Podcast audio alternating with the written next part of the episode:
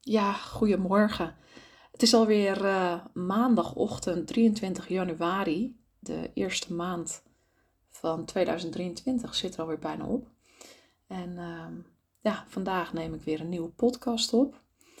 En ik moest wel lachen, want vorige week bleek het blijkbaar uh, Blue Monday te zijn, maar die heb ik echt helemaal gemist. Want ik vind het altijd zo fijn om bezig te zijn in mijn praktijk.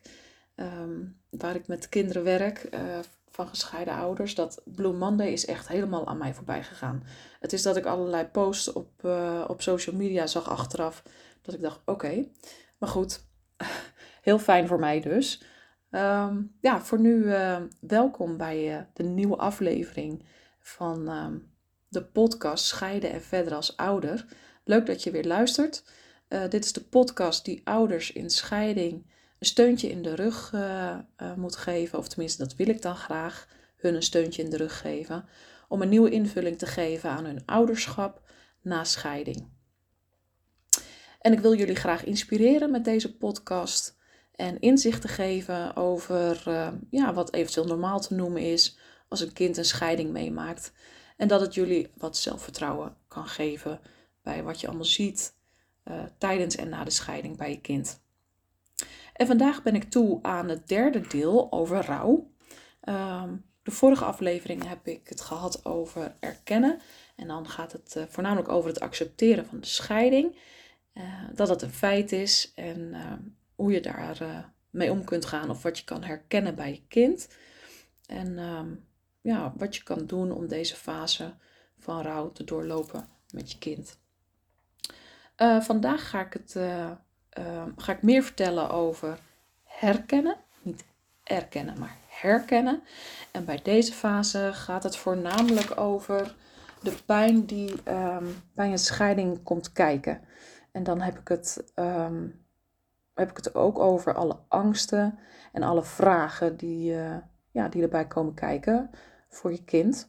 En hierin heb, jij, heb jij en je kind, hè, hebben jullie ook wel iets gemeen. Want jullie worden beide eigenlijk overigens ook je ex, maar iedereen die erbij betrokken is. Maar uh, jullie worden beide geconfronteerd met allerlei heftige en soms ook onverwachte emoties.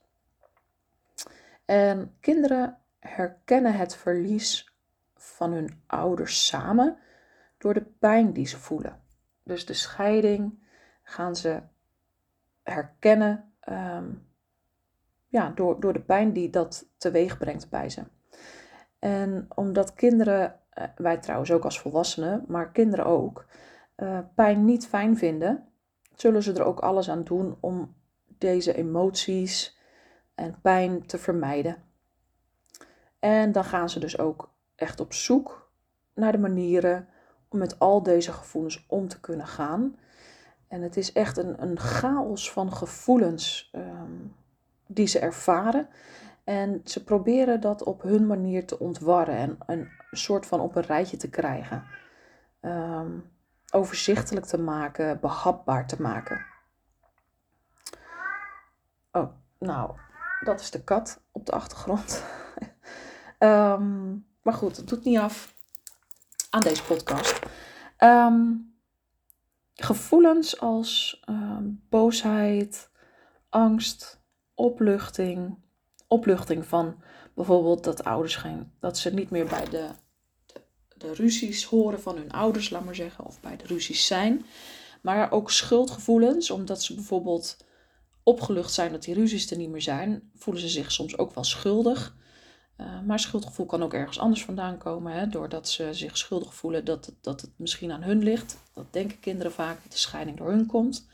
Dat ze niet uh, lief genoeg zijn geweest of niet goed geluisterd hebben maar ook eenzaamheid um, en nog vele andere gevoelens uh, komen kijken bij ja, deze fase.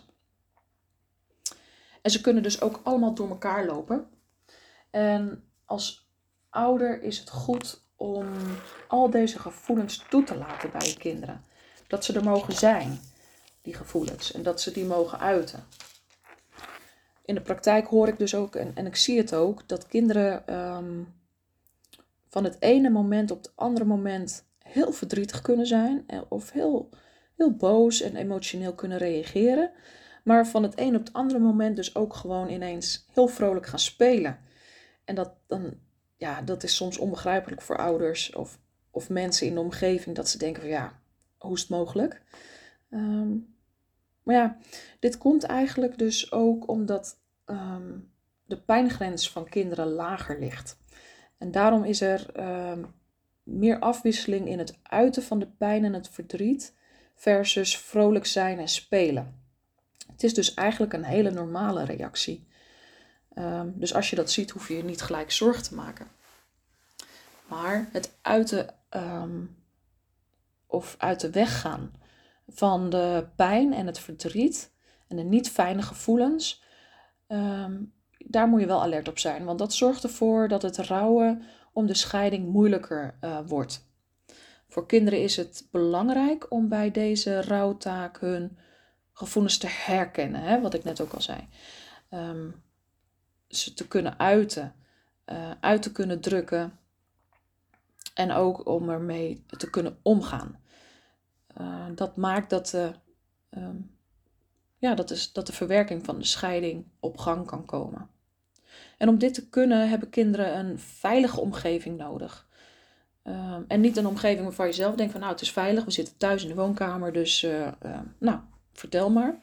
Maar het moet echt een omgeving zijn die ze zelf als veilig voelen en ervaren. En dat hoeft niet per se altijd thuis te zijn, omdat er thuis misschien heel veel dingen gebeurd zijn rondom de scheiding. Um, dus, dus wees daar ook alert op. Zorg ervoor dat. Uh, leg er dan ook geen druk op bij je kinderen of je kind als, als het er niet gelijk uh, uitkomt. Maar probeer wel een veilige omgeving te, creëren door duidelijkheid ook. En um, um, ja, voorspelbaarheid. Dat geeft ook vaak uh, een veilig gevoel. Um, als gevoelens en emoties dus niet de ruimte krijgen die ze nodig hebben, uh, zal het zich uiteindelijk op een andere manier gaan uiten. En dat zie je vaak bij kinderen in onverklaarbare klachten, lichamelijke klachten. Als bijvoorbeeld hoofdpijn uh, of uh, buikkrampen, maagpijn, buikpijn. Als kinderen hebben het heel vaak over buikpijn. Um, ja, dat is vaak ook uh, een vorm van stress die ze dan ervaren. Dus de lichamelijke klachten, daaraan kan je dan herkennen dat um, kinderen wellicht met emoties of gevoelens zitten die ze moeilijk of niet kunnen uiten. En vaak heeft een huisarts bijvoorbeeld, als je daar al een paar keer geweest bent, geen verklaring voor deze klachten. En emoties moeten kunnen stromen, anders verliest het leven na verloop van tijd zijn glans. En dat is natuurlijk ook zo, want um, ook in de praktijk zie ik dat kinderen uh, ook op jonge leeftijd depressieve gevoelens kunnen ontwikkelen en geen zin meer hebben in het leven. Geen zin meer hebben om leuke dingen te doen. Geen zin meer hebben om met hun vriendjes te spelen. Um, ja, om zich verder te ontwikkelen. Um, het, is, het is moeilijk voor ze om um, ja, de mooie dingen in het leven weer te kunnen zien. En wees daar dus ook alert op als ouder. En, en eventueel ook anderen in jullie omgeving. Wees je ervan bewust hoe je zelf reageert en hoe je zelf omgaat met de pijn en de emotie, uh, verdriet van de scheiding dan in dit geval. Ik ben een beetje verkouden. um, maar ook naar je kind toe. Hoe reageer jij uh, op de emoties die je kind uit? Mag het er zijn? Um, heb je er begrip voor? Uh, dat soort dingen. In, de, in het eerste deel van deze reeks podcasten over rouw heb ik het, ga ik hier meer op in. Dus als je, daar, uh, als je die nog niet geluisterd hebt, luister hem vooral even terug. Um, maar hou, hou voor, wees je bewust van dat je zelf een voorbeeld bent. En dat je laat zien waar je, hoe je met je eigen gevoelens uh, omgaat. En dat je ze niet wegstopt. Um, en dat, uh, ja, verdrietig zijn mag. En um, die gevoelens die mogen er zijn als je, als je dat zelf ook niet laat zien aan je kind, laat je je kind alleen maar, of leer je je kind alleen maar, uh, zijn gevoelens te blokkeren, te onderdrukken. Um, ja, en te ontkennen eigenlijk. Iets wat, wat helemaal niet wenselijk is. Ehm, het zal een gevoel van een verdoofd effect hebben, een gevoel van een verdoving hebben. Uh, het geeft ja, een uitkomen aan het moeten voelen of doorstaan van deze gevoelens. Het voorkomt alleen ook op deze manier dat je kind ten volle blij kan zijn. Dat is, het verdooft niet alleen de negatieve gevoelens, maar het verdooft ook de positieve gevoelens. En dat is, dat is niet wat je wil. Leren voelen en ermee omgaan is belangrijk voor ons. Ehm, anders zouden we het ook niet overleven. Dus ze hebben ook een bepaalde functie. Dus um, gevoelens, ja, je voelt dat iets zeer doet, je voelt dat iets warm wordt of koud is, dus je weet dat je dan iets moet gaan doen. Ja, dus de, de emoties hebben uiteindelijk ook echt een functie. En wat kan helpen is een uh, balans in deze gevoelens. Dus de balans tussen gevoelens verdringen, maar er ook niet in verdrinken, is erg belangrijk. Als die balans niet gevonden is, zullen de emoties en gevoelens zich kunnen uiten in een woedeuitbarsting. Um, en dan vooral woedeuitbarstingen die op momenten plaatsvinden dat zo'n uitbarsting niet in verhouding is met de situatie op dat moment. Nou, wat wel leuk is in de praktijk om te doen als ouder, ehm, is door bijvoorbeeld uh, zo'n ouderwets weegschaaltje of zo'n weegschaal van um, uh, sterrenbeeld, hè, het sterrenbeeld weegschaal, zo'n model bedoel ik dan in ieder geval, om die te nemen of, of je print er eentje uit of je tekent er een op een A4'tje en een paar blokjes te pakken. En dan aan uh, elke schaal van de weegschaal, de ene kant is bijvoorbeeld de aandacht en de emotie of gevoelens over de scheiding. En aan de andere kant is bijvoorbeeld um, de afleiding. Um, en dat maakt dan dat een kind, dat je aan je kind vraagt dat je blokjes neerlegt in de weegschaal. En de aantal blokjes bepaalt uh, hoeveel aandacht het krijgt, hoeveel het kind ermee bezig is. Uh, en slaat die nou heel erg door naar de afleiding, dan zou je kunnen kijken van wat, wat kan je eraan doen om ook aandacht te geven aan de gevoelens en emoties die loskomen bij de scheiding. En op die manier ook een beetje in gesprek te komen op een speelse manier. Um, en, en dus ook de balans te vinden tussen aandacht geven aan de scheiding, wat soms ook gewoon echt heel gezond is, en ook wel weer op zijn tijd iets leuks te gaan doen. Um, nou ja, het is een, leuk, een leuke manier om uh, met je kind um, aan de slag te gaan en inzicht te krijgen in hoe hij op dit moment erin staat. En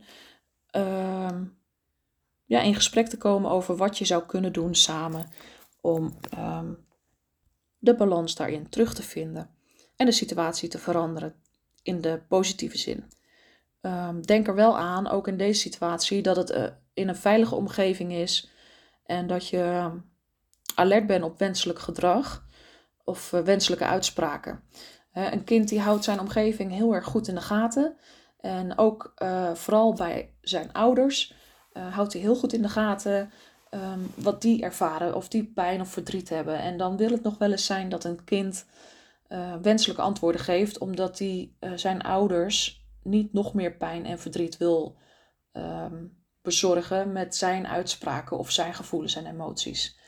Um, een tip daarin is bijvoorbeeld dat opa en oma misschien zoiets een keertje kunnen doen om te kijken ja, hoe het kind ervoor staat, wat hij wat die erover kwijt wil. Het kan trouwens ook gewoon een vertrouwenspersoon zijn op school bijvoorbeeld of uh, in jullie omgeving, een goede vriend of vriendin. Zelf coach ik kinderen in uh, die in scheiding zitten en ik help hun de gevoelens en emoties te ordenen en ik help ze ermee om te gaan. En het voordeel is uh, als je uh, door iemand anders deze oefening bijvoorbeeld laat doen, dat ze zich dus niet in hoeven te houden en dus niet per se wenselijke antwoorden geven. Omdat, je, omdat die persoon voor hun gevoel of echt helemaal buiten staat of minder betrokken is bij de situatie. En voor ouders kan ik de stem zijn van hun kind en help ik ze om ehm, verder te kijken naar het proces van hun kind en de scheiding uh, te verwerken. En dat dus ook samen te doen.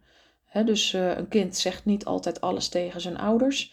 En ehm, doordat hij zijn ei daarin daar wel kwijt kan in mijn praktijk, kan ik daarin een goede verbindende factor zijn. Zodat ouders wel ehm, ja, betrokken zijn bij het proces van hun kind. Als je daar trouwens meer over wil weten, neem dan gerust even een kijkje op mijn website www.bucoaching.nl en dan de B met dubbel E. Neem daar vooral even een kijkje. Als het je bijvoorbeeld niet lukt uh, om met je kind, als het je niet lukt bijvoorbeeld om een gezonde balans te krijgen met je kind in de verwerking van uh, de scheiding en zijn emoties. Hij blijft bijvoorbeeld hangen in deze rouwtaak. Uh, en je vindt het lastig om hem verder uh, te helpen, weet dat je bij mij dan ook altijd een gratis uh, oudersessie kan boeken. En dan kijk ik graag even met jullie mee. Ik zal de link daarvan even in de show notes zetten. Um, schroom dus ook gewoon niet om die hulp in te schakelen. Um, ja, ik hoop dat ik je vandaag weer mooie en fijne inspiratie heb mogen geven. waarmee je verder kan om je ouderschap na de scheiding meer vorm te geven. Um, dus wil je het volgende deel van jou, van deze rouwtaken, niet missen? Abonneer je dan eventjes op deze podcast en zet ook het belletje aan, zodat je weet wanneer de volgende podcast over rouwtaak 4, die gaat over verbinden, online staat. Um, het is trouwens leuk, mocht je zelf een onderwerp hebben waar je tegenaan loopt en waar je meer over zou willen weten, bijvoorbeeld. Um, weet dan dat je dat altijd even bij mij kan aangeven. Doe dat dan op info.bucoaching.nl en ook hier uh, met dubbel E. Ik zal hem ook wederom in de show notes zetten, mijn e-mailadres. Uh, hartstikke leuk. En ik zou het ook erg leuk vinden als je me laat weten wat je van de podcast vindt um, en wat je eraan gehad hebt. En dan voor nu wens ik je nog een hele fijne dag en een hele mooie dag. En durf ook om hulp te vragen als je die nodig hebt. Uh, zowel in je omgeving als bij mij. Weet dat je altijd welkom bent.